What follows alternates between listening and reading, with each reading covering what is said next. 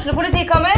Ine Jansen er purk. Er du purk? The motherfucking bitch. Alt jeg vil, er å finne ut hva som skjedde med mannen min. Jon Carew. Er jeg sikta for noe? Iben Akeli. Det er du. Ole So, Lars Berrum og Big Daddy Karsten. Hvem sin side er du på, egentlig? Anette Hoff, Tone Danielsen, Kommer du fra Afrika? Jørnis Josef, Nesten. Kløfta. Trond Espen Seim, Det er synd å si det, men det var feil mann som døde. Purk. Premiere tirsdag på TV2 Play.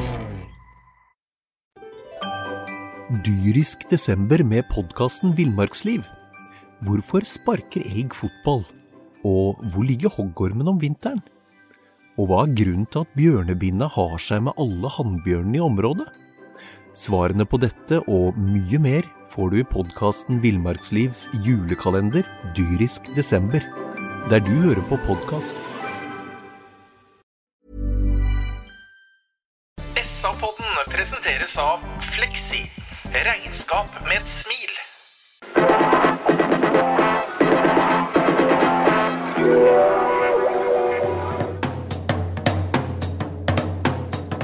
Sarpsborg Arbeiderblad gir deg en ny episode av SA-podden med Sven René Nygård, Øystein Weber, Petter Kalnes og Bjørn Inge Bingen Nilsen. Halla, og hjertelig velkommen til en ny utgave av eh, SAs fotballpodkast, SA-podden. Vi har nesten uh, fullt lag her i studio i dag, men én mann er uh, borte. Øystein Weberg har meldt eh, sykdomsforfall, så vi får klare det uten han i dag. Men her sitter iallfall mannen som redda flere baller enn han slapp inn. Tror vi, da. Ja, det er nok riktig, det. Ja. God kveld. Bingen Nilsen. Og her sitter også mannen som vant flere taklinger enn han tapte, tror vi, Sven. Ja, men Det jo stemmer nok. Ja. Ja. Sven René Nygaard. Jeg husker bare de hodeduellene jeg vant. Ja, har, du har spilt mot meg, eller? Ja, jeg husker bare hodeduellene jeg vant, sier jeg jo. Nei, ikke bare. Bra. Vi skal uh, prate om det som har skjedd i Sarpsborg 8 de siste dagene. Og så skal vi også prate litt om eh, et uh, lite prosjekt som SA har, uh, skal sparke i gang til lørdag. Som på en måte er en hyllest til Sarpsborg 8 og det faktum at eh, klubben spiller sin tiende strake sesong i Eliteserien i 2022. Også at de har vært ti sesonger i Eliteserien, hvis du tar med 2011-sesongen. Men det kommer vi tilbake til litt senere for Bingen. Ja. Først skal vi prate om det som har skjedd de siste dagene og ukene, og vi tar den eh, største nyheten, kanskje, at Ibrahima Kone ble solgt til franske Loria for anslagsvis 40 millioner kroner. Hva tenkte du når du hørte det? Jeg tenkte det Eller jeg var jo helt overbevist om at når jeg hørte når, eh, i Afrikamesterskapet og Tunis og, og Mali spilte den første kampen, så hørte jeg jo han eh, engelske på Viasat eh, fortalte at vi hadde avslått et bud på tre millioner euro. Og vi har jo snakka tidligere her om at fire millioner det var nok det man ville ønske seg. Og vi har også sagt at eh, et salg av Kone eh, var eh, veldig viktig for å opprettholde den sportslige satsinga om at vi skulle Vi har flere posisjoner å bekle. Jeg syns det var riktig i forhold til at Kone nok visste mer i høst på landslaget enn det han gjorde for oss. Han skåra elleve mål for oss i serien og var en eh, viktig eh, brikke i så måte, men eh, en kunne forvente mer. Og, og når man da får fire millioner euro og kjenner jeg Bjørge Øyestad rett og 08 rett, så er det også et videresalg med i bildet her sånn. Så jeg syns det her var en god deal, og vi så jo også det bar frukter allerede i dag. Det kommer du sikkert tilbake til når det gjelder han junior. Da. Eh, Du sier eh, videresalg. Det går også Det snakkes også om ja, for Du skriver i Haugesunds Avis det at, eh, at FKH skal ha 20% av en overgangssum. Det er en høy videresalgsprosent, eh, Bingen. Betyr det at de fikk en billig? Er det sånn det fungerer? Altså at Sarpsborg fikk en billig? At vi fikk eh, Kone billig. Ja, jeg har aldri skjønt helt hvorfor Haugesund slapp den, men at det var en videresalgsklausul med. og vi betalte vel borti en million for den eh, når han kom. Det er klart eh, det er noen Dem skal ha det, og så er det utdanningsstipend, og det er eh, Penger forsvinner, spillerinvest er inne i bildet, så at man sitter igjen med kanskje to tredjedeler av den faktiske salgssummen, det, det vil jeg nok tro at klubben, eh, klubben gjør. Og ja, vi fikk Kone billig. eh, syns jeg, fra Haugesund. Jeg syns det var en bra, bra deal at vi klarte å få den. Bra deal at vi fikk den i gang, at den skåra elleve mål. Og en eh, enda bedre deal at vi fikk fire millioner, og at han går videre til eh, Frankrike. Mm. Bra. bare Bare understreke at vi, de summene vi refererer til, er eh, ikke noen offisielle summer. For det er ikke noe særlig offisiell økonomi rundt dette her. Men eh, det er skrevet i både franske og norske medier om eh, fire millioner euro. Og så har altså Haugesunds Avis skrevet at eh, FKH skal ha, en, eh, ha 20% av eh, det videresalget som nå har skjedd eh, fra Sarpsborg. Sven, du var kritisk til, eh, i likhet med Bingen, kritisk til Kone i fjor høst. Du mente han var eh, langt bedre før han begynte å skåre på landslaget enn han var etter. Ja, ja. Og, jeg kan istemme egentlig alt Bingen sier her, i forhold til at for det første så var det kult at han kom. Eh, nå fikk jo Bingen og dere fulgt han opp litt på treninger eh, før sesongen starta, så at det var et potensial. Eh, ja, han skårer elleve mål. Samtidig så tenker jeg at det er ikke noe det er ikke noe big deal å skåre elleve mål for en klassespiss eh, i, i norsk fotball. Så det er ikke noe sånn un, unisont fantastisk prestasjon av eh, eh, Kone. Eh, så jeg må bare si det at, dere, det at vi klarer å forhandle fram en kontrakt og ha is i magen på en fotballspiller som har skåret elleve mål i en norsk eliteserie. Og jeg sier ikke at Kone ikke er en meget god spiller, for det er han. Men samtidig så har ikke han syns jeg prega fotballkampene så ekstremt. Han har vært god i duellspillet, han har skåra disse elleve måla. Og så har han skåra for landslaget. Ja, det er viktig å skåre på straffer, men det er jo stort sett det han har gjort. Så han har liksom ikke dratt av tre kall på Mali heller, og så satt han i vinkelen. Så sånn sum av summarum så syns jeg det er helt eventyrlig at vi sitter igjen med de antatte 40 millionene for en fotballspiller som satt på benken i Haugesund, som har skåra jeg sier kun 11 mål, tross alt. Vi kan se på Botheim, vi kan se på de andre toppskårerne eh, tidligere, at de har dobla det antallet osv. Så, videre. så det her er jo en solskinnshistorie i mine øyne. Loria, som det heter, legg merke til den fine franske uttalelsen min, Loria er på 19.-plass av 20 lag i league Æ. Ikke sant? Ja. Ja, bra. Er, eh, det er et par, par poeng opp til eh, kvalplass, tre poeng opp til sikkerplass. plass. Er han en type som kan gå inn og redde et lag på dette nivået? Det er vanskelig å si. altså Jeg har aldri sett de spille fotball. Eh, Hvordan spiller de? Kommer de rundt på kanter? Pøser de baller inn i boksen? Eller må Kone gjøre ting aleine? Da skal han gjøre ting aleine på et enda høyere nivå enn norsk eliteserie. Det kan bli vanskelig. Og det er eh, det, det kommer vel helt an på da, eh, hvordan han blir spilt opp. i forhold Jeg har mest tro på at Kone i utgangspunktet er den som skal skåre mål fra 16-meteren og inn. Og så der hvor han kan bli pøsa på med litt baller og kan vinne det. Han er jo dritsterk. Og han har jo spilt mye alene på topp da i 08, og du, vi, vi har jo sett de kampene. Han hadde de her fire måla på én gang. Da er vi nede i sju mål på resten av sesongen. Hvis du tar vekk den fire ene kampen, hvor alt klaffa. Så ja, hvem vet? Men eh, jeg registrerte jo også at dere det er Synd det jo, vet du, at ikke vi fant han der Ismael litt tidligere.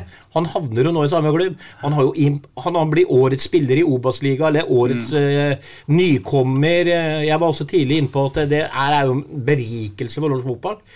Og nå havner jo han i samme klubb, i hvert fall, så da får jo Fredrikstad side av noen millioner ned i Loria. Ja, og så kan vi jo Lorient, eller- kan vi jo le litt av at Lorient sier at uh, han gutten kan jo ikke spille i Fredrikstad, for det er for dårlig, så han blir antagelig da leid ut til, uh, eller lånt ut da, til, uh, til Vålerenga. Som alle andre spisser, Bingen, så er også Kone avhengig av gode medspillere rundt seg. Sven snakker om mye innlegg. Er fransk fotball Det du har sett av fransk fotball, passer det til typen? Jeg, eh, kjenner ikke fransk fotball så godt, eh, men eh, når vi ser den franske laget, så er det jo sjelden vi ser båndlag som, mm. som dem her er. De kommer jo desperat til å tette igjen bakover for å spille for å få et mål i den andre. Det er nok ikke et lag som går for tre og fire mål og skal vinne med 5-2. Det er her sånn, For å beholde plassen så må de være gjerrige bakover, og så må de håpe at de får de etterlengta målsjansene som de kan få som et båndlag, og utnytte dem på best mulig måte. Og det er ikke sikkert at det, det blir noe hit med Kone. Nei. Selv om du sa tidlig at han ble hit til Sarpsborg. Det husker jeg du sa. Ja, ja, men eh, ja, Det er helt riktig, jo, det, men det så jeg det tok meg tre treninger å se det at han hadde noe å tilføre. For da hadde vi vært ganske magert uh, på spissplass. Vi har famla veldig der sånn en periode, og at det var en spiller som skulle skåre ti mål. Og bli en suksess økonomisk for oss. Det, det slo inn, det, gitt. Det gjorde det. Det er bra, bra deal. Eh, Sven sier at han aldri har sett eh, Laura spille fotball. Det har du sjansen til eh, søndagen, Sven, for du er jo selvfølgelig SA-abonnent. Den Ja, ja, kampen ja. mot eh, Patricksbergs Lance, Lance går på direktesport, altså SAs eh, ja, skal vi si direkte fotballkanal klokka 13.00 til eh, søndag. Det var da veldig tidlig. Det står da 13 på lappen min. Mot Patrick Berg. Da får vi sett uh, Berg også i eh, fransk uh, toppserie. Samme dagen som Kone går, så går også Ben Karamoko til uh, den belgiske toppserien. Ben Karamoko kan altså ikke brukes i Sarpsborg, men han kan brukes i toppserie i Belgia. Belgia er en større fotballnasjon enn Norge. Er det noe som ikke rimer her? Ja, altså, men, men fotball er jo et spesielt produkt. ikke sant? Det er fotballspillere som er gode, som mislykkes. Eh, De kan gå og bytte klubb, og de kan lykkes de luxe, ikke sant? Eh, Men det er klart at en, en spiller som Karamoko, som er 2,87 høy og har en brukbar fart, og er en duellspiller når, han, når det flyter for han, så kan han klare seg overalt, tror jeg. Men så handler det jo litt om kjemi med lagkamerater. Vi spilte med han bak i en treer, må forflytte seg sideveis. Kanskje spiller han i en vanlig firer og går inn som en ren midtstopper med en bakker. Det er så mye som spiller inn, men det er klart at det, eh, Ben Karamoko med lange steg og duellstyrke og sånn Jeg syns han gjorde masse gode fotballkamper i 08. Og vi skal ikke undergrave norsk fotball helt. Det er jo en grunn til at det flakser ut fotballspillere til europeiske meget gode klubber fra Eliteserien. Og du ser en Botheim som går for 80 mill. Han har fått lov til å imponere i Europa, der har ikke vi vært nå.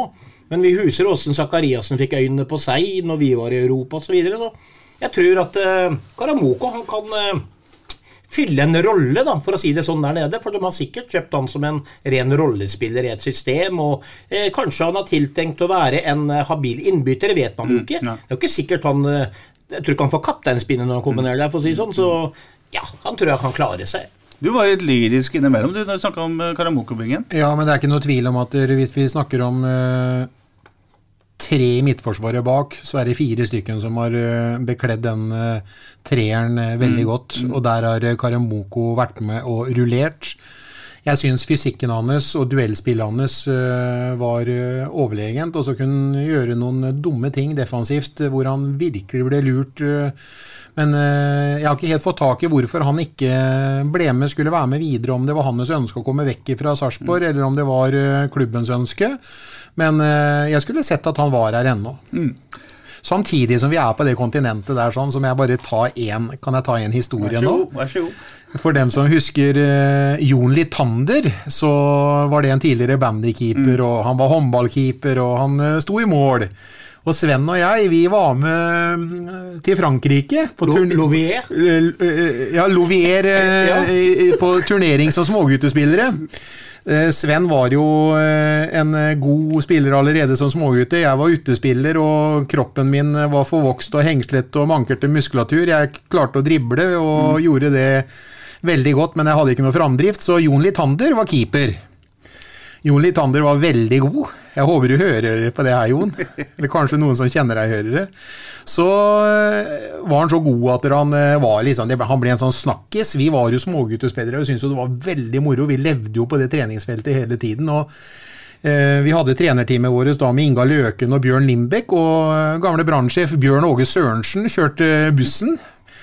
Og eh, vi, Bjørn Åge kjørte oss jo ned fra skolen og ned så fort det var turnering på det store anlegget der, sånn, eller kamper. Og vi kom vel ikke til noe finalespill, Sven, men eh, Jon Litander uansett fremsto som voksen og god. Den, den, ja, vi var jo ikke mer enn 13 år, 14 år, 13 år. Men han ble vel tatt ut på Ål. Hør nå. Ja. Og så kommer vi ned på banen der, sånn, og Jon han var borte fra skolen, så han har tydeligvis gått fem kilometer ned, for han, han venta frem skulle kåre et All Star-team. Og så kom vi ned da Bjørn Åge Sørensen hadde kjørt oss, og så var det sånn Det er i orden, gutter. Det er i orden. ja.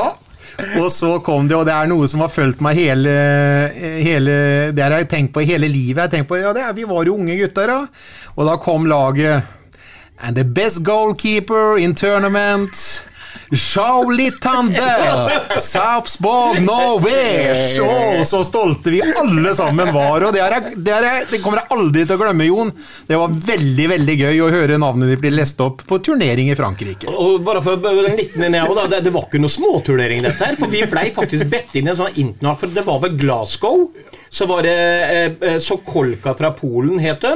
Og så var det Plovdid, eller hva Ja, det var, det- fra det Bulgaria. Bulgaria. Og jeg kan, da Tilbake til skyggesiden i fotball, da. Og fattigdom.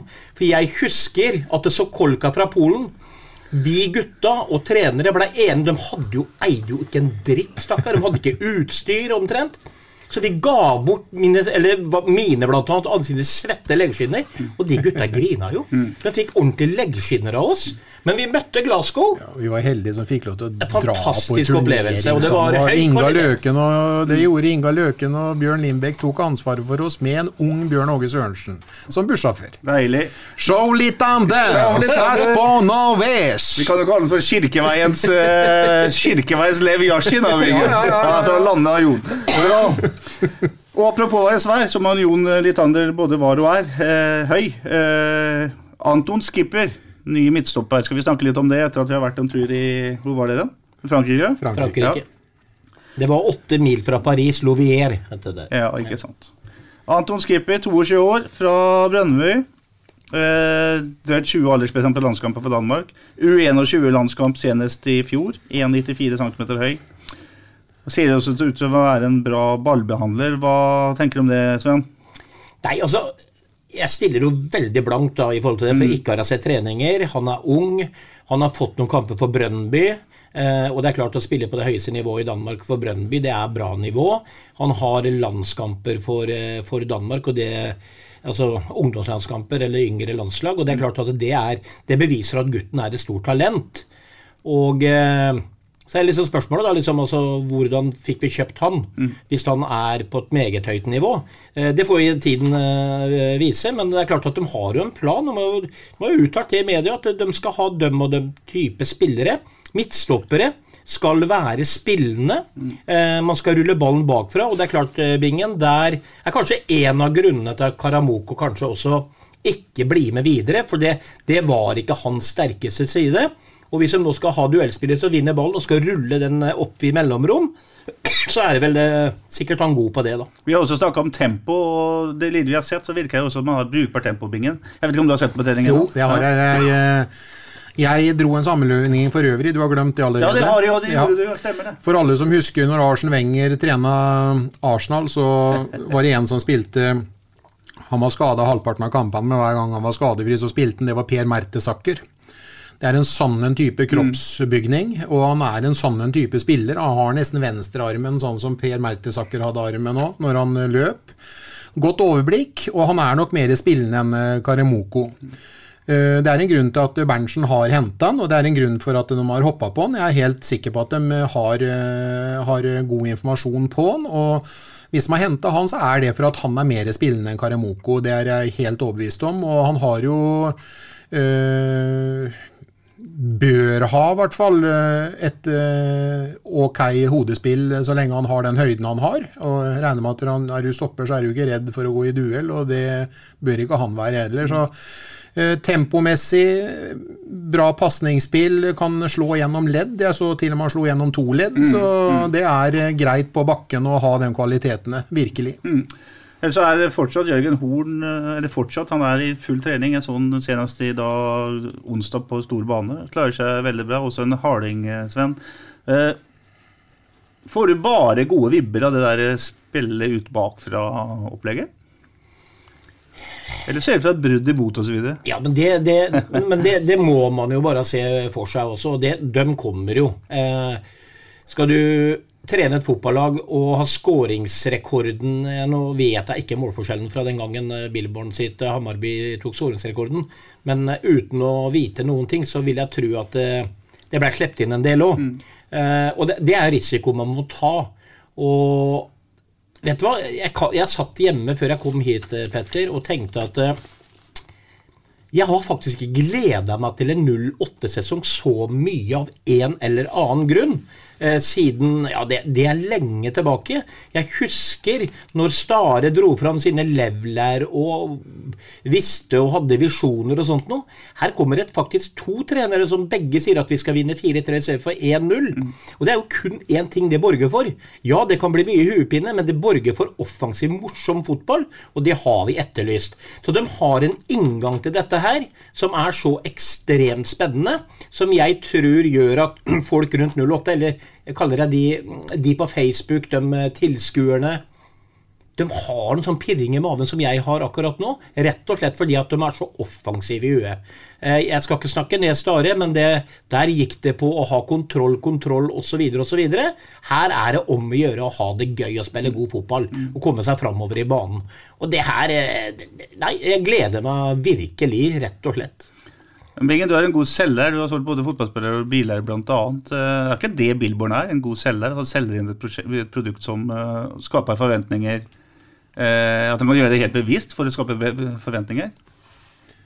Tenker du Nei, jeg, jeg, jeg, tror ikke det. Jeg tror han heller snakker med, med fasit i han. Han mm. har jo vært med på det gjort det, og han har jo trent offensive lag, så jeg tror han uh, har en veldig idé om uh, hvordan han skal utnytte potensialet i troppen. Og han ønsker å spille en type fotball som uh, begeistrer, og han er heller ikke redd for å si at han skal begeistre. Og da er det klart at det blir forventninger ut av det, men jeg tror, ikke vi, jeg tror nok han syns det er moroere å vinne 4-0 enn 4-3, for å si det sånn. Han mm. vil nok uh, prøve å tette igjen best mulig bakover. Men eh, når man angriper, så kan jeg ikke skjønne noe annet enn at da er det mange mann som eh, kommer på løp og skal være med på å avslutte det angrepet. Mm. Og Det som er så fint med han, er at eh, han, han han virker jo så positiv utad, og han er jo inne på dette hele tiden, at de skal være offensive, de skal skåre mye mål. Men han gjør jo aldri som Kåre Ingebrigtsen og de andre gutta gjorde oppe i Bergen, at gullet skal hjem. Det er jo ikke der han er. Han skal ut og underholde og spille morsom fotball. Han, han, lover jo ikke gull, gull og grønne skoger i forhold til hvor er vi på tabellen osv. Og det er klart, vi er nok litt sultefòra på å sitte både på familietribunen og eh, fossefallet og se at det pøses på med folk og innlegg, skudd rett utafor. Vi hadde jo ikke mye av det. Det var ikke veldig mange sånne eh, fotballkamper hvor vi hele tida satt og hoppa, hoppa, hoppa, for det var nesten mål. Jeg er helt enig. Og jeg, er helt enig med dere i deres uh, vurderinger av Billboard så langt. Og jeg har også en, en liten sånn digresjon rundt både Billboard og uh, Joakim Bjørklund. Vi har sett noen trenere, jeg skal ikke si navn, og jeg skal ikke si at de har vært på Sarpsborg stadion heller, men som ikke tar i skjegle, f.eks. på fotballtrening. Fordi det skal, det skal andre assistenter, materialforvaltere osv. gjøre. Disse to gutta her de flyr og henter baller, de, de, ruller mål. De hjelper til. De er ikke noen plasserte stjerner. Joakim Bjørklund kunne vært eh, plassert stjerne. Han har spilt på alle verdens arenaer, hadde jeg nær sagt. På de største arenaene. Overhodet ikke plassert. Jeg tror at de sprer seg i gruppa, at de ser at uh, når Billborn kan fly og hente baller mens guttene løper intervall, så kan jaggu dem eh, hente noen baller òg. Det er bare en eh, enkel greie. Men tilbake til midtstopperne. Per nå Ødegård, uh, Utvik, Skipper. Tar med Nicolay Næss. Og vi har tatt med Jørgen Horn. Holder det? Bingen? Ja Og det er noen unggutter i tillegg, bare for å dempe. Ja, det, det, det skal jo i utgangspunktet holde med, med fem stykken eh, hvis Jørgen Horn eh, holder seg skadefri og kommer av Spania mm. nå i morgen og fram til den 16., og får trent like godt der nede. Altså, det er ikke noe grunn til å tvile på fysikken hans, for han har trent knallhardt eh, med fysikk eh, og ikke minst eh, vekter og styrka muskulaturen i kroppen. Han kommer nok eh, ut i en bedre Sin beste utgave, kanskje, sånn mm, fysisk mm, sett. Mm. Hvis ikke han får en belastningsskade i forhold til hva han har vært igjennom. Da mener jeg at det skal holde med dem fem Vi skal jo spille 4-4-2, så mm. det blir jo liksom råflott. Vi skal, skal hente én til at vi skal ha seks stoppere, syns jeg. Nå skal sikkert Magnar jeg håper han skal bli rendyrka som stopper, men eh, det kan jo hende at han blir, eh, skal bekle høyrebekken, og det vet han jo aldri. Mm. Han kan fort være alternativ til høyre, og, og til og med også venstrebekk, kanskje. Vi, vi, unnskyld, jeg er ikke ferdig resonnementet ja. Når vi spilte med tre bak, da, så er det Ben Karemoko og Dyrestam borte. Mm. Det er to ut, og så er det to inn. Mm. Med, vi, vi, må jo si at Jørgen Horn er en ny spiller. da. Ja. Og så er det Anton Skipper inn. Og så skal vi spille to istedenfor tre i sentral, så jeg vil vel si at vi skal være, være dekt jeg, jeg, kan ikke skjønne noe annet enn at det skal være godt nok. Det er ikke der vi skal lete nå. Skal vi ikke lete enda lenger fram? Jo, helt enig. Uh, Nicolai Næss, uh, Sven. Uh, vurderer du han som midtstopper eller midtbanespiller, som du leser troppen akkurat nå? Veldig vanskelig spørsmål, men uh, for å følge opp det Bingen sier, altså jeg er helt enig at vi er dekka der, men det blir så mye viss om atter menn uh, for meg, da. Mm. Først og fremst så går vi ut ifra at Jørgen skal holde seg skadefri. Og det er klart, All statistikk tilsier dessverre det at etter så langt eh, avbrekk, mm. eh, så vil det komme noe. Eh, og ikke, hvis ikke det gjør det, så kommer det av spillestil. Eh, Utvik vet vi er hardhøvs, men har også en spillestil ikke sant, som tilsvarer at du kan få en ny trøkk i huet, du kan få spille på alle andre hensynsløse måter. Så og så er det Magnar, da, som er en bra fotballspiller, som også begynner å bli voksen. Mm. Så vi har veldig mye sånn hvis om atter menn. Og, og, samtidig så sier jo Billemann at vi skal ha spillende stoppere. Eh, og det tenker jeg at der, der hadde sikkert Nicolay Næss vært veldig ålreit. Mm. For Nicolay Næss jeg er helt sikker på at Billboard også noen ganger eh, ikke bare vil at du skal tre i mellomrom til en indreløper eller, eller type midtbanespiller, men kanskje også slå rett igjennom en mm. kant. Mm det er klart, Ingen er bedre enn Nicolay Næss der. Mm. Så han har jo veldig mye av de spillende egenskapene som sikkert Billboard ser etter. Så hvis Nicolay Næss i mine øyne skal spille, så må det være stopper, tror jeg. Mm. Ja, det er i hvert fall min ja, tanke. Ja, og vi synes jo Nicolay Næss uh, har uh, vært bedre i bedre form tidligere. og Jeg leste intervjuet med han her om dagen uh, og Gilmors groin og mm. operasjon, og han spilte mye med smerter i fjor. og det for jeg håper er en del av årsaken, og at han kan konsentrere seg om smertefrie kamper, og at han kan spille på det nivået som vi så han kunne bekle når han kom til, uh, til klubben. Og jeg regner han som en, en stopper. Uh, du snakka om Magnar begynte å bli voksen, Sven. Ja, det er han. Jeg husker ikke hvor gammel Jørgen Horn kan være rundt 35. Ja, ja. Utvik er rundt en 27, eller? Mm, mm. og så er Magnar Han blir 29 nå i år. Mm. Og ja, eh, det er jeg nesten helt sikker på. Og, og, så har vi eh, Nicolay Næss, leste jeg ut fra intervjuet med han i Sarpsborg Arbeiderblad, at han var 29. Mm. Så du, du, har gutter i din beste alder på den plassen der sånn i forhold til både rutine og besittelse. Og Anton Skipper kom vel inn som uh, unggutten, han da, mm. i den, uh, i den uh, femmeren som skal bekle to plasser. Mm.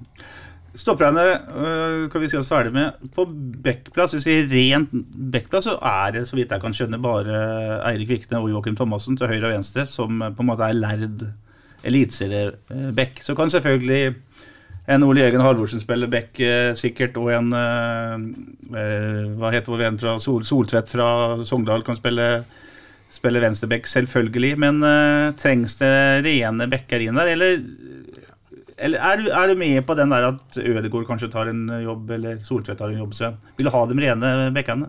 Ja, I utgangspunktet vil jeg ha rene bekker, ikke noen som hospiterer for at noen har skada og sånn. og og så vil jeg jo tro, da, i forhold til, uten at jeg vet som Jeg sier, jeg vet altfor lite rundt Billborn og hvordan han ønsker å spille fotball, men for meg så virker det som at ting skal gå fort. Tempo, tempo, tempo. Eh, og da er det viktig. Joakim Thomassen har fart i beina, Erik Vikne har fart i beina. Men, men hvis en av de blir skada, så tenker jeg at liksom en god, gammel Ole Jørgen Halvorsen, da, som har vært kant stort sett hele tiden, som må ned og bekle og sånn, det, det, blir ikke noe styrketegn i mine øyne. Nei, nei. Så, så, jeg mener at vi også må altså Espen har jo sagt at vi skal styrke det sportslige, så jeg mener at nå har vi fått inn så mye kroner at nå, nå da må vi styrke. Mm. Og da må vi være rendyrka på å få inn en til som Thomassen må konkurrere med, eller Viktene må konkurrere med. Ja, jeg er enig, Sven. Ja, og hvis en av dem ikke kommer med, da, Viktene og Thomassen fordi de henter en enda bedre eller back, så har vi jaggu dekka bra på den uh, backplassen. Og skal vi bli gode og prege Eliteserien, så må vi ha dekning på alle plasser. Det hjelper ikke bare å sette inn en fotballspiller, men han må holde høy kvalitet. Mm. Ferdig med det. Mm. Ja. Bra. Ålreit. Apropos høy kvalitet, så så kom det en som det ser ut som det er høy kvalitet av. Uh, Rekene på fjøl hadde jeg nærmest sagt uh, denne uka. Berntsen lovte et par forsterkninger før uh, treningsleiren. De reiser altså til uh, Marbella i Spania i dag, når dette sendes, altså torsdag. Og tirsdag kveld kom uh, Serge junior Martinsen Nguali, heretter kalt junior, til, uh, til Norge. Han ble klar formelt onsdag. Svensk eh, Gabon, eh, statsborgerskap, kommer fra den eh, kroatiske klubben Gor- Gorica. Har skrevet en 2,5-årskontrakt med Sarpsborg 08.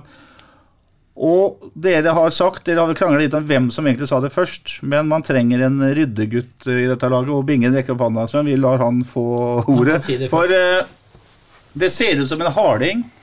Uh, ballvinner. Eh, god til å lese spillet, ifølge Billborn i hvert fall. Bare det at Billborn, eh, Billborn eh, får et ønske så tidlig innfridd. Og det skjer jo når Det blir jo frigjort midler her, og vi skriver en toårs kaldtårskontrakt med en tidligere elev som var på årets lag i, i Sverige eh, i 2017-sesongen. Har vel hatt et stygt skadeavbrekk etter det med, med korsbånd. Eh, Spilt seg tilbake igjen og består eh, den fysiske testen, eh, ettersom jeg forstår, meget godt. At Billborn får en han virkelig ønsker i den posisjonen, og omtaler han så positivt som han gjør i Han sparer jo egentlig ikke på noen ting, selv om hovedpersonen sjøl ikke vil gi noe eh, Fortelle noe om Mm, nei, hvordan type spiller han er. Han eh, vil at man skal bedømme når han har vært utpå der og spilt. Men det er jo helt klart at Billborn sier han får en, eh, en sjef på midtbanen som kan di diktere tempo. eh, Både offensivt, eh, det trekke opp tempo når man skal angripe, roe ned tempo med ballen i laget osv. Så, videre. så det her er eh, noe jeg gleder meg virkelig til å se. Så jeg ser at det begynner å forme seg nå. og Det her frigjør jo også de offensive genene til Anton Saletros. Det er ikke Anton nå som skal ned og hente ball. Jeg regner med at han eh, Martinsson, junior Martinsson mm. forteller Saletros eh, hvem som skal eie den delen av banen. Men legger ikke Billborn huet sitt litt på hoggestabben i form av at det her er jo da tydeligvis hans spillere, Jan Førstestein. Hvis han mislykkes, så er det jo på en måte Billborn som mislykkes òg, er det ikke det? Jo, men faderen, vi må vel liksom ha tillit til eh, en nyansatt trener i forhold til hans tankegang. For det første, jeg kjøper alt han gjør, jeg, inntil det motsatte er bevist. Og nå har jeg sagt, jeg har sagt det tidligere, vi er inne i en voldsomt fin tid. Vi Dyrisk desember med podkasten Villmarksliv. Hvorfor sparker elg fotball? Og hvor ligger hoggormen om vinteren? Og hva er grunnen til at bjørnebinna har seg med alle hannbjørnene i området? Svarene på dette og mye mer får du i podkasten Villmarkslivs julekalender Dyrisk desember, der du hører på podkast. skal ikke spille med et poeng. Nå er liksom alt Nei, det er, det er helt ufarlig den tida vi er inne i nå. Nå er det om å gjøre å bli så skarpe som mulig og bli akkurat sånn som han ønsker at vi skal fremstå til første seriekamp. Og hvis uh, junior Martinsson er en uh, slik en type spiller som kan heve vårt lag, og han mener og han vet hva han står for og kjenner den fra før av, så er det jo ikke noe tvil om da når Billborn henter han hit, så ser jo junior Martin på, sånn, på det som en, en, en, en, en ære, mest sannsynligvis. At det, en av dem en av dem han har hatt som trener eh, og vært en, vært en akta spiller for, for, eh, i Hammarby når, eh, når Billborn trente dem. Når han får den muligheten en gang til å gjenforenes nå og da, så tror jeg han kommer til å legge sin lid og ære i å bevise for byen vår eh, hvor, hva for en god spiller han er. Og I forlengelse av det jeg sa om Billborn og legge huet på hoggestabben, så hadde jo ikke henta han hit hvis ikke han er rimelig sikker på at han vil bli en suksess. Nei. Sven, vi forutsetter nå, nå må vi forutsette, for vi har ikke sett junior spille fotball før, det må vi, så ærlig må være. Vi forutsetter at det er en, en ryddegutt, en god fotballspiller, en duellspiller, en som leser spillet og kanskje slår enkle pasninger. La oss ta det som et riss. Kan du si litt om viktigheten av å ha en sånn type i et fotballag? Bingen snakker om å frigjøre offensive krefter framover i banen, men også ha en sånn Kall en sjef midt på banen, da. Det har eh, Og eh, Bingen nevnte det her, og bare å følge opp det her i forhold til eh, Jeg sa vel i forrige pod også at hva ønsker du deg? Og da ønsker jeg meg en sjef. Du snakka En om. Ernemann-type, liksom? Ja. Eh, og det sa jeg Jeg tror jeg debuterte i poden. Jeg må snakke om vi mangler en sjef. En som er full av faen, som løper mye. Han dekker tydeligvis store rom. Eh, og så er det nesten noen ganger kan du se på bildet. Først så jeg på ansiktsbildet, og han tenkte Oi, helvete, han så skummel ut. Og så får du se liksom fra nede på treningsrommet nå, du ser på lårmuskulatur, du ser på kroppsbygging, eh, og du får høre hva Billborn og de gutta sier om han, så er jeg ganske sikker på, hvis han er skadefri, så er han den vi ønsker. Og så dikterer han fotballkamper, fikk jeg lese. Han skrur opp tempoet framover. I huset er Ernemann, og vi lå under, hvor han kom etter, kom i returrom, klinka inn baller. Så leda vi 1-0, så fikk han vondt i huet og ræva, irriterte motspillere, fikk dommeren til å roe ned tempo. Altså liksom en sånn en rutinert spiller da, som hele tiden spiller for laget sitt. Og det, det er klart, å ha en sånn mann sentralt bak der, som gjør at den ene av de to sentrale kanskje kan stikke av gårde, for vet vi har jo junior bak her. Han kommer til å dekke de rommene og rydde opp og hjelpe til bak der. Beskytter eh, bakre firer osv. Vet du hva? Det er ikke en fotballspiller utenom eventuelt en keeper som er utrolig god, eller en, en spiss som skårer mål i bøtter og spann. Ingen fotballspillere er nesten viktigere i et lag enn å ha den sentrale sjefen over alle sjefer. Og er han det, dæven, det blir spennende. Den typen her gjør ofte en jobb som ikke er så veldig synlig for gud og hvermann nå. Ja, selvfølgelig gjør de det. Og de, de, de gjør det vanskelig for motspillere. ikke sant? Og, og, og, og, og det Nå vet jeg ikke hvordan det er duellmessig, men det her å kunne eh, gå ut og provosere motspillere, få dem irriterte, eh, diktere tempo, som jeg sier og så, Ja, det er fire år siden, men når du er på all star-team i Allsvenskan nå, på et lag som heter Hammarby, som var gode, selvfølgelig er du en god fotballspiller. Men han må, han må være en sånn type som fra, Han er ikke noen målskårer. Uh, Nei, nei, men det er sjelden sentrale midtbanespillere På er. 73 kamper for Hammarby den tiden der sånn som, uh, som han spilte med, med Billborn, så skåra han tre mål. Han, er, han er en uh, Vi har jo snakka om omtalt, vi har jo sett Vi, du, vi har nevnt en Ernemann. Vi har snakka om en Casey Wehrmann-type. Vi, håper han er- vi, er- vi håper at det gjenstår å se, men vi håper han er en sånn type. type. Og Verken Casey Wehrmann eller Ernemann skåra i bøtter og spann. Nei, det er eh, helt riktig. Eh, det er alltid kritikere ute på nettet på Facebook. Det er jo ikke du, Bingen, men jeg kan jo referere hva som ble sagt. Blant annet så er det noen som mener at eh, han er 30 år, og det er ikke noe foryngelse av troppen. Tenker jo at den fødselsattesten eh, har noe å si her. Nei Hvis den er god nok, mener du? Hvis den er god. Det er ikke så mange sjefer uh, som du får uh, som juniorer som skal gå inn og styre et lag. Det er, uh, det er voksne gutter som skal gå inn i den rollen der. sånn, det, det, For meg så gjør ikke det, det noen ting. Jeg, I en solskinnshistorie så hadde det vært hyggelig om han hadde kommet fra juniorlaget til Hafslund og gått rett inn og så eid, mm. eid den plassen, men det er nok ikke sånn det fungerer. Det er ikke, er ikke sånn det fungerer lenger. Det gjorde selv ikke Lars Melby, Sven. Ja, han eh, ga Han parkeringsbøter, som han sa. Han fløy vi motstanderen. Gi han parkeringsbot, sa Lars Melby til dommeren. Roald Avestad, en annen Hafslund-gutt, han kalte Lars Melby for øyas Glenn Hoddle for øvrig, og det, det var faktisk veldig riktig. En avsporing som eh, vi En av mange avsporinger, det der. Vi skal, vi skal avslutte lagbygginga vår med å se på spissplass. Eh, Molin, eh, Kone er borte. Det betyr Fardal Opseth, Gisje Molins, Kamara og Skålevik som de fire rene midtspissene, hvis ikke jeg har eh, glemt noe i farta, og det tror jeg ikke jeg har. Er det uten tvil at man må inn og erstatte Kone med en uh, kalle førstespiss? Jeg har bare lyst til å si at dere, vi skal feire dette jubileumet med å, å, å gjøre laget bedre, kanskje prestere bedre nesten enn noen gang osv. osv. Når nå han går for disse antatte summene, så må noen penger brukes på en målskårer på bra, bra nivå. Eh, hvis Molins er skadefri, så er han en fantastisk spiss. Jeg er ikke sikkert han er den store målskåreren, men han kan fòre den andre. Oppsett er en klinisk avslutter, men hva har vi sett? Eh, hvor mye har han spilt? Hvorfor har han spilt så lite? Hvor mye har han egentlig skåra? Han har skåra bra i forhold til antall minutter, Men det er ikke noe stabilitet i det der heller. Skålevik er vel kanskje den gutten jeg ville tatt med meg i krigen av alle på 08, hvis jeg måtte ha med én å gå og krige. Fantastisk fyr.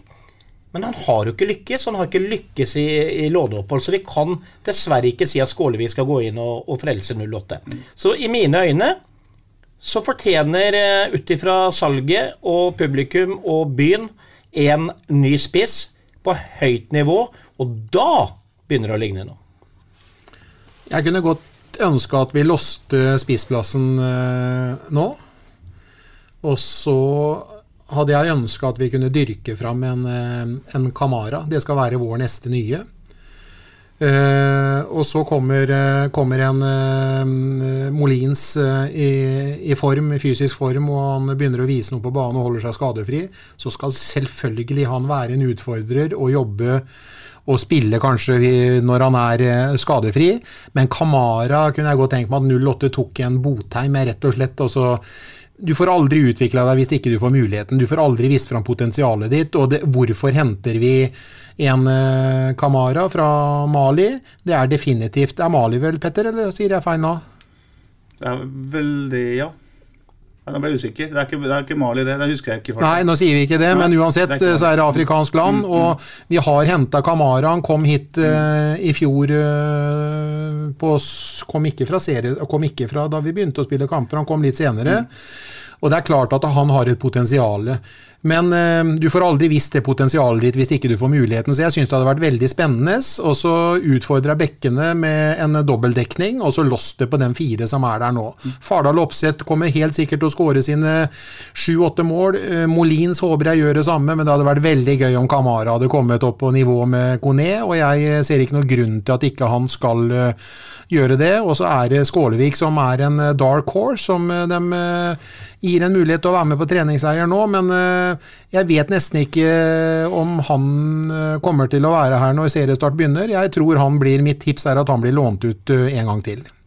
Jeg forstår tankegangen til Bingen der, sånn, men det, er klart at vi har jo henta flere afrikanske. De trenger jo tid uh, før de lykkes.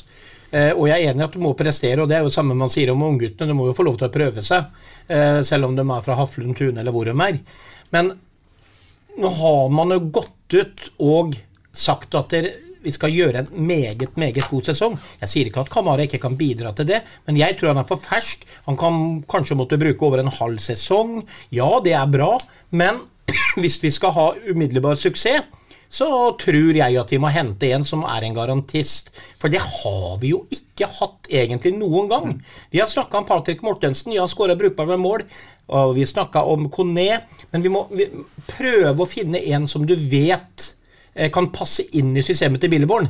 Fordi at hvis vi blir så offensive som vi er, så må vi ha en spiss som tar vare på alt av de innlegga eller hva som måtte komme. ikke sant?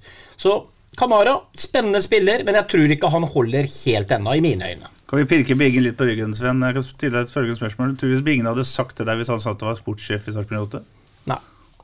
Jeg er helt enig med deg. Bra. Da,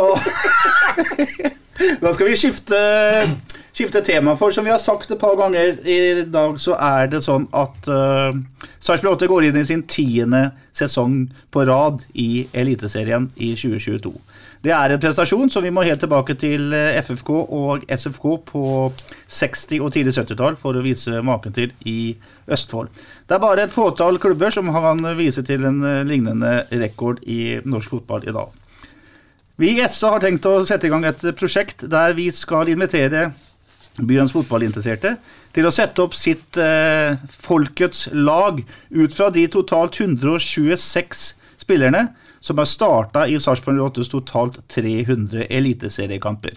Det var en av våre trofaste lyttere, Tom Jøs, en eh, glimrende både bridge og tidligere håndballspiller, som eh, satte, satt meg på denne ideen.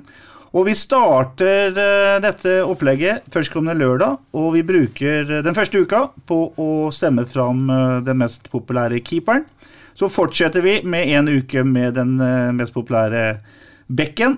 Så blir det en uke med midtstopper, en uke med kantspiller, en uke med sentral midtbanespiller og en uke med spiss. Og 26. mars så presenterer SA Folkets lag i en 4-4-2-formasjon. To av dere som er med og stemmer, vinner sesongkort på hovedtribunen på Sarpsborg stadion. Er dere heldige, så havner dere mellom eh, Sven René Nygaard og Bingen eh, Nilsen. Syns dere det er kult å hylle eller gjøre litt stas på den gjengen som har gitt oss ti år med eliteseriefotball på rad? sånn? Ja, det syns jeg absolutt. Og det er klart at det, der, der er det jo mange hensyn å ta, da, tenker jeg. Og så spørs det hvordan folk tenker. Er det den som har vært den beste, selv om han har spilt få kamper? Er det en tro tjener som har vært med på lang reise, osv., osv. Men vi har jo i bøtter og spann av fotballspillere som vi kan velge mellom der. og Det blir litt spennende å se avstemminga, hva, hva, som kommer fram. Om det er eh, nymoderne spillere som eh, Kan ta et enkelt eksempel. da, eh, Elenossi spilte jo ikke ekstremt mange fotballkamper. Men herregud, for en fotballspiller. ikke sant? Og så nå spiller han i Premier League. Og så er det han som trer fram der, eller er det en, en Tom Erik Breive, som vi alle husker. ikke sant? Og Her er det jo så mange hensyn å ta, og her kommer det sikkert også til å gå en del på følelser. og en del damer kommer nok sikkert, som du nevnte i stad, stemme fram Jeremy Bertot. Jeg sjøl hadde gleden av å ta han i handa en del ganger på, i midtgangen. Da kom han med knytta skjerf. Så titta han meg inn i øya, smilte, glassblå øyne. Det var sånn at han var eide rommet med en gang. For, for en mann, liksom. Han kom rett fra å møte Ronaldo og Champions League. Og sånn. altså her, er, her er mange mulige måter å stemme og tenke på. Hans første møte med Sarpsborg og norsk fotball var også som en slags hemmelige Arne, for han var jo på trening en mandagskveld. SA var til stede. Det var tidlig januar i, i 2013. 2013 året, første året til Brian Dean. Ingen ville si hvem det var. Brian Dean sa ikke noe. Thomas Berntsen var jo tøff som en øster. Og uh, Berthaud sjøl var høflig, tok oss i hånda og sa at uh, dette kan, jeg kan dessverre ikke si hva jeg heter. og så begynte vi også å lete på dette store internettet, og så fant vi jo selvfølgelig ut at det var da Berthaud som kom rett fra som du sier, Champions League-spill. Et av mange spesielle historier, uh, Bingen. men når du tenker på liksom, skal hylle spillere de siste 10-11 åra, er det lett å liksom ta dem første? Dem som liksom eh, gikk foran her og liksom skapte disse første eventyrene? 3-0 mot Molde osv.? Ja, da snakker vi jo om liksom Jo Nymo Matland, ja, og vi ja. snakker om uh, Ole Heieren og Berat og Joakim Heier, og vi snakker om Martin og Øyvind og Breive og mm. Jæver, og det er mange vi snakker om da. Mm. Det er klart at fotballen har nok utvikla seg, men eh, jeg håper de ser på kvalitet. Det var kvalitet eh, den gangen, selv om vi gikk ned med mann og mus igjen, så var det noen som eh, begynte å røre fotballhjertene våre den gangen, som har brent seg fast. Så jeg mm. tipper at vi ser noen fra den tid komme på laget òg. Ikke sant? Og så er det viktig for meg å si at nå må vi huske på at det er Eliteserien vi, vi snakker om. og noen av disse eldste, eller de tidligste heltene her, fikk jo bare et fåtall kamper i Eliteserien før de eh, av årsak, ulike årsaker la opp. F.eks. en Øyvind Hoaas han fikk jo ikke mer enn 28 matcher fra start i Eliteserien for Sarpsborg 08. Men han var jaggu god i de 28 kampene han uh, spilte. Jeg kan ta, ta, dere med en liten tur tilbake gutter, til 18.3.2011. Så skal dere få et morsomt, morsom oppgave. Førsteelveren mot uh, startelveren mot uh, Molde. Hvem sto i mål? Magnus Julstad, eller? Riktig. Ja. Fire bak. Sier seg sjøl, egentlig, hvis du tenker dere om. Berat, vel, Matland, Kjetil Berge og Ole Heieren? Berat, Berge, Heieren og Nymo Matland er bra. Så er det jo en diamant på midten, da. Med fire Fire Altså én sittende, to indreløpere og én offensiv. Den Roar Johansen-formasjonen. Jørgensen, eh, Breive Jæver. Og eh, Var han KFM-guttene våre med da, eller? Nei, han var ikke det. Hva heter det? Eirik Jonvik? Nei, Ja, det var ikke han. Nei. Eh, Hvem var det som hadde som sittende? Joakim Jørgensen. Joakim Jørgensen. Joakim Jørgensen. Den offensive, Vorgen, uh, var i FFK. Bjørnar? Nei. Røn. Mikael, Mikael ja. Røn. Røn, ja. Det er, det er ikke lett å huske. Det, Nei, det er morsomt, sånn er morsomt vet du. Og på topp det, Martin og Øyvind, da? Martin og Øyvind. 7-Eleven. Det, var, eh, det var laget. Ja. Solskjær kom til eh, stadion. Det var kaldt. Solskjær var tilbake i norsk fotball etter lang tid som spiller og trener i Manchester United. McTartione sto på åtte meter og skjøt utafor. Da kunne hele greiene egentlig vært over. Og så vant Sarpsborg eh, 3-0. En eh, helt eventyrlig eh, kveld. Eh, Dette endte med et dundrende nedrykk, og så var det opp igjen i 2012, og så kom Dean i 2013, og da var liksom Sven, da kom liksom eh, Jeg kan bare si en ting igjen. Jeg husker det, for da var jeg jo sportslig ansvarlig. Og det budsjettet vi hadde da vi, vi nedrykket, mener du? Eh, det, ja, i, i mm. Tippeligaen da, eller i Eliteserien, Ja, jeg husker ikke hva det heter. jeg. Da, da hadde vi Da forsterka vi med én spiller. Vi, altså, vi hadde ikke vi, vi, vi tok jo noen poeng. Og vi hadde jo ambisjoner om å klare å, å spille der, men, men vi hadde jo ikke penger. Vi hadde et budsjett som eh, vi, Jeg tror vi hadde et budsjett akkurat eh, som i, på- I sommervinduet til Rosenborg fikk de mye, like mye penger på, til overgangsmarkedet som vi fikk på eh, totalbudsjettet. Som vi hadde totalbudsjettet. Vi henta vel han Mo ifra, Ja. fra Tromsø. Ja, ja. Han henta vi den eh, Tromsdalen, han henta vi den eh, i det Mm. sommervinduet der sånn. Ellers så hadde vi ikke Hadde vi ikke Vi hadde ikke økonomi. Vi Det er hadde vel litt eh, sånn at eh, 17-18 millioner eller noe sånt i budsjett. Det er vel litt sånn at Roar Johansen går til styret og spør om vi skal prøve å redde plassen. Så blir det vel egentlig nærmest sagt at vi, vi lar det være, og så rusta vi heller opp eh, opprykk til året etter, liksom. Og bedre å være godt rusta etter et nedrykk. Mm. Og det gjorde vi. Vi brente ikke kruttet økonomien da. Vi gjorde ikke det. Men det var rart å se. Jeg tror medisinsk, Vi gjorde noen sånne sammenligninger. Sommervinduet til Rosenborg representerte like mye som vi hadde i totalbudsjett. Og det medisinske støtteapparatet til eh, til Rosenborg eh, det året der kosta like mye som, eh, som eh, spillestallen vår. Mm. Så tok Roar Johansen opp igjen i 2012, Sven, og så fikk ikke han være med videre. Og så kom han som skåra det første målet i Premier League mot Manchester United eh, for Sheffield United, kom og skulle trene Sarpsborg 08. Og da måtte Nygaard preke engelsk og greier. Det ble, det ble internasjonalt, dette her. Og Det var helt Jeg husker jeg borte mot Lillestrøm, og så fikk jeg melding av Geir Lilletvedt fordi han hadde hørt på intervjuet. Og jeg kom aldri på det, for det er vel locker room da, som liksom er på en måte garderoben. Garderobe! Og jeg kom ikke på uh, How is it in the garderobe now? Så jeg bare, og da bare jatla det løs, og det var da Nygaard uh, fortalte egentlig, selv om jeg scora på Queens Park, jeg er eneste som har gjort her, forresten, så, så har jeg vært mest i Sverige, for å si det sånn. Men eh, nei, det var tider. Det var en eh, fantastisk eh, personlighet som kom inn dørene den gangen der. og vi gjorde en fantastisk bra sesong det året der. og Det var jo ikke sjetteplass eller noe det året der, eller var det året Nei, det var andre. etterpå? Andre året, Første året er jo Ja. Carl-kampen mot Ranheim. Men det var jo et liksom, det er liksom sånn, eh, 08 har du liksom hatt noen ganger med dette her. Vi var inne på Jeremy Bertaud, som kommer fra Champions League til lille 08. Så kommer en Brian Dean, da, som alle som elsker fotball, vet hvem er. ikke sant? Og, så det var, eh, det var tider, det. det var, eh, og det var den tida når jeg jobba som radiokommentator og fikk lov til å være med faktisk bussen på alle kamper. Jeg hadde jo munnkurv, men det var også veldig fascinerende den gangen der å høre en Steffen Ernemann eksempel, etter fotballkamper de har tapa osv. Jeg var jo med noen år, og det var jeg kan bare si fra at det var vinnertyper i den bussen her.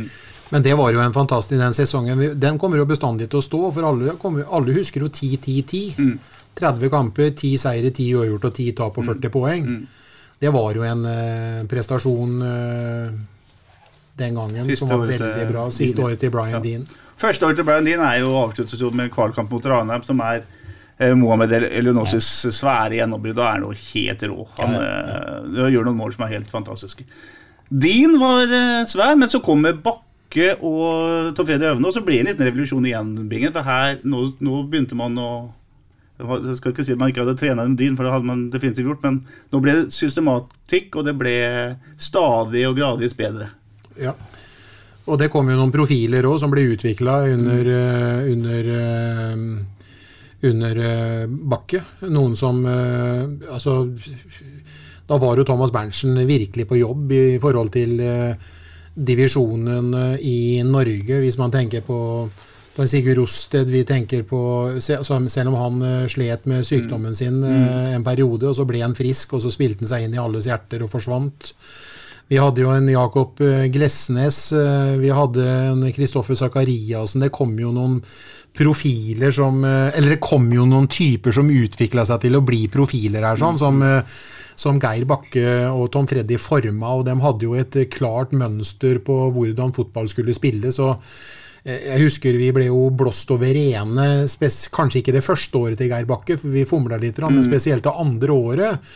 Hvordan eh, vi møtte lag på hjemmebane. Vi hadde en offensivitet i spillestilen sin, så den, vi forsjekka jo fra 35 meter og innover. Vi var jo helt vanvittig høye i spillestilen vår, så hadde en løpskraft som sjokkerte voldsomt mange. Det ender jo med toppsesongen 2017, Sven, der blir bronsemedalje og cupfinale i tillegg. Du nevnte Ole Heieren i stad, så vidt det var. Eh, På, på Aker stadion så gir Geir Bakke bronsemedaljen sin til eh, Ole Heieren, fordi Heieren hadde ikke nok kamper det året for å bli, til å bli bronsemedaljevinner, for å si det sånn. Et, et lite tegn på to ting, både at Bakke er en mann med et godt hjerte, men også at Heieren var utrolig respektert i klubben. Ja, og da skal ikke jeg eh, håper å si, fremskynde noe eh, i forhold til den avstemninga. Må klare å holde noe hemmelig. Ja, ja. Men, Du å holde noe jeg hemmelig, kan, holde ti plasser hemmelig, da blir ingen å ta bare én. Men, men for meg så er jo liksom hele reisa har jo Ole vært med på, ikke sant. Og det er, det er ikke bare fotballspilleren Ole Heier Hansen. Alle som kjenner Ole Heier Hansen, vet hvilken personlighet han i tillegg er. Han er en vinnende type på alle mulige måter. Han var en god fotballspiller. Og jeg tenker at Det Geir Bakke gjorde der, det hadde han ikke gjort med alle, kanskje. Eh, Det, det, Ole hadde en spes, eh, spesiell posisjon i spillergruppa. Han hadde en spesiell eh, posisjon som du vet alt om innenfor media, og ikke minst blant publikum. Så han er jo liksom en av de gutta som da, i hvert fall uten at jeg sier at man skal stemme på han, som selvfølgelig bør være med i en vurdering, i mine øyne. Helt enig. Siste sesongen så spiller Heieren én kamp fra start og er eh, allikevel eh, på en måte klubbens ansikt utad. En ganske formidabel prestasjon.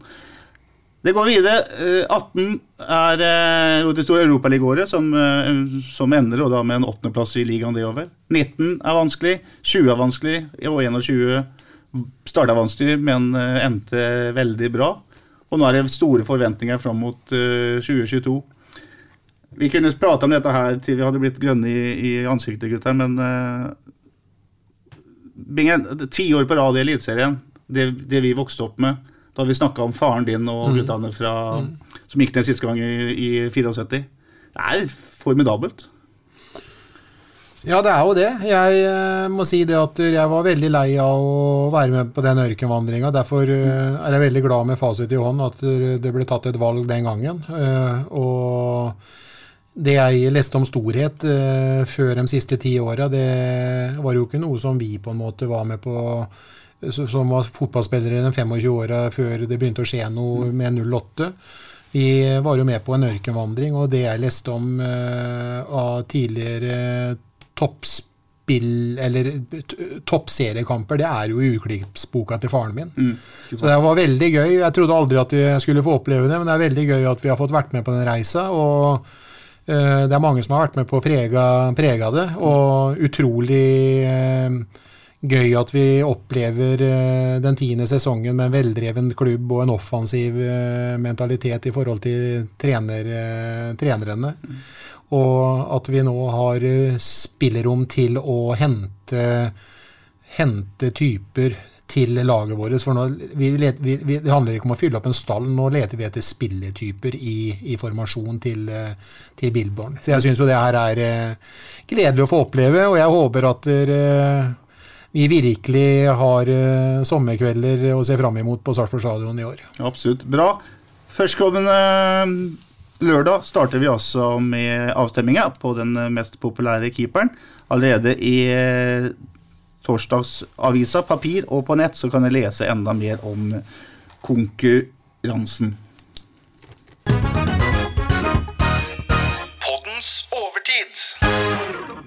Vi kan ta en eh, kort overtid i dag, eh, Sven og Bingen. Vi skal bare knytte noen kommentarer til eh, det faktum at avtroppende daglig leder i Sarpsborg 8, Espen Engebretsen, eh, i går eller dagen før går ut i SA og sier at pengene fra Kone skal til stor grad brukes til å styrke det sportslige apparatet. Han sier at uh, stadionutbygging kan gjerne legges litt på is for å sørge for at man har et uh, sportslig apparat og et lag som er godt, uh, Sven.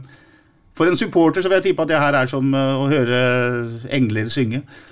Ja, selvfølgelig er det det. Og i forhold til sportslige satsinger så innebærer jo det alltid fra spillemateriell eh, til, eh, til folk som jobber rundt laget, som fysioterapeuter, personlige trenere der osv. Og, og det er klart at det, det virker jo veldig spennende det de har fått på plass nå. og det unisont av det jeg har hørt, i hvert fall, så skryter de ekstremt av hvor profesjonelt eh, Sarpsborg 08 ble drevet nå. og Det kunne vi vel lese i dagens eh, Det ble jo gårsdagens SA, da, at eh, junior går ut og sier at eh, de testene og alt dette virka jo superheftig og profesjonelt. Så der er vi nå langt, langt framme antageligvis. Og da gjenstår vel en del av de andre tinga å investere litt mer i fotballspillere, da.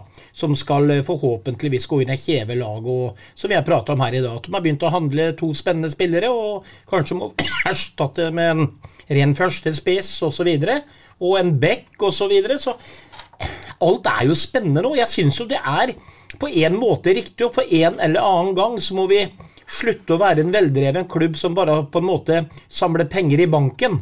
Eh, det er i hvert fall min følelse, fordi det sitter mange der ute som reiser rundt i Norges land, som er på stadion, og som ønsker å se sitt kjære 08 eh, eh, være med å prege Eliteserien. Og det gjør man selvfølgelig med å gjøre de spillerne som er der allerede bedre, og unge gutter osv. Men fotballen har blitt sånn i dag at du må nok litt ned i lommeboka også for å være med i kappløpet.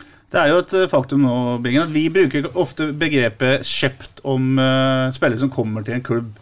Uh, men det er jo, som regel så har jo Sarpsborg gjort henta folk som har vært frie, altså Bossmann-spillere.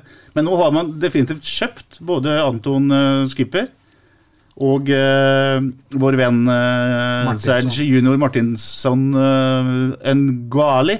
Vi bruker junior heretter. Vi bruker junior.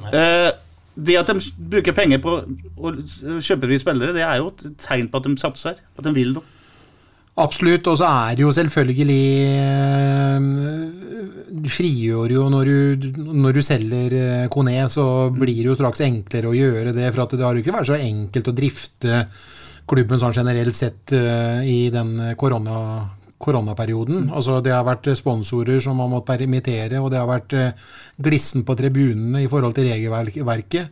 Så eh, det er nok kjærkomment både for klubbkassa, og så er det jo et løft at vi bruker Altså vi henter type spillere som vi mener skal gå inn og styrke laget vårt, og vi betaler penger for at vi skal eh, ha dem til oss. Mm. Og nå leter vi ikke etter frie spillere, Bosman-spillere eller uten, uten kontrakt. Så det er et eh, styrketegn. Så det kan godt hende det kommer eh, et par til òg, men nå reiser de med 26 mann til, eh, mm. til Marbella. Marbella. Mm. Og det betyr jo at noen blir overflødig der. Så nå er det tre juniorer med, og det syns jeg altså Stallen begynner å bli stor igjen allerede, mm. men uh, Jeg skulle gjerne sett at de tre juniorene hadde vært med uansett uh, mm. om stallen hadde blitt uh, værende på 26 mann. da. Men du støtter Engebetsens synspunkt her om at ja, prosetilbuden blir lagt ut på det. Men det sa jo Hans Petter Arnesen mm. mm. og Espen Engebretsen i et intervju i sammen i, i fjor høst. Vi må utvikle fotballen. Vi skal være sterkere rusta. Vi kan ikke bare være en selgende klubb. Vi skal eh, styrke det sportslige, og det sier jo Espen i klartekst nå til uh, Sarpsborgs innbyggere, og det, det, liker vi jo å høre. Mm. Bra. Vi skal avslutte med å si at uh, siden sist vi var samla her i poden, så har norsk fotball tatt avskjed med en av de aller, aller største. Noen vil si kanskje den største nemlig Nils Arne Eggen. Og når det gjelder det siste synspunktet der, så skal ikke jeg være uenig med, i dem i det. Norge er definitivt blitt uh, fattigere etter Eggens uh, bortgang. Han står igjen som en samfunnsdebattant, som en som uh, tenkte på langt mer enn 4-3-3 og pasninger som skulle gå framover på banen. Han satt også menneske i fokus når han bygde sine fotballag. For hele ideen til Nils Arne Eggen var jo at man skulle spille hverandre gode. Man skulle finne hverandres uh, godføtter, som uh, Eggen sa.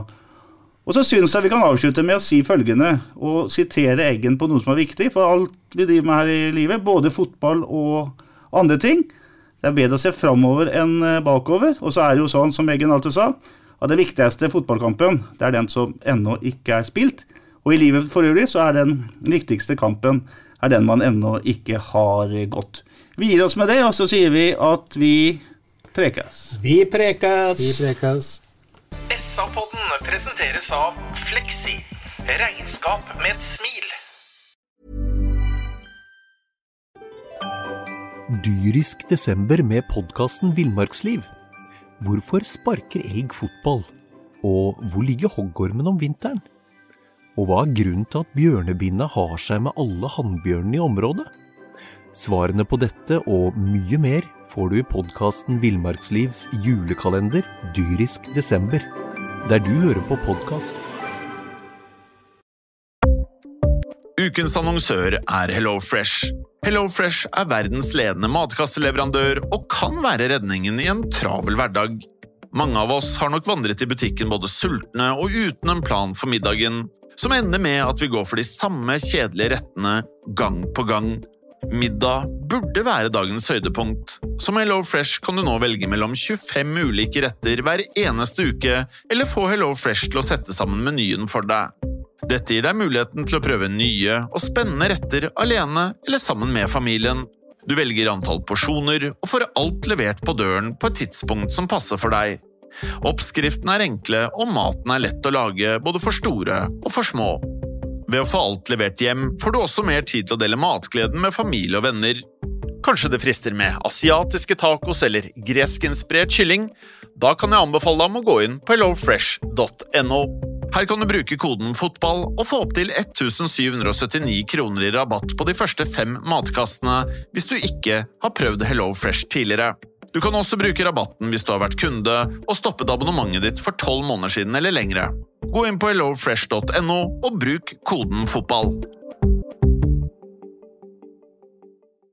Har du et enkeltpersonforetak eller en liten bedrift? Da er du sikkert lei av å høre meg snakke om hvor enkelt det er med kvitteringer og bilag i fiken, så vi eh, gir oss her, vi. Fordi vi liker enkelt. Fiken superenkelt regnskap.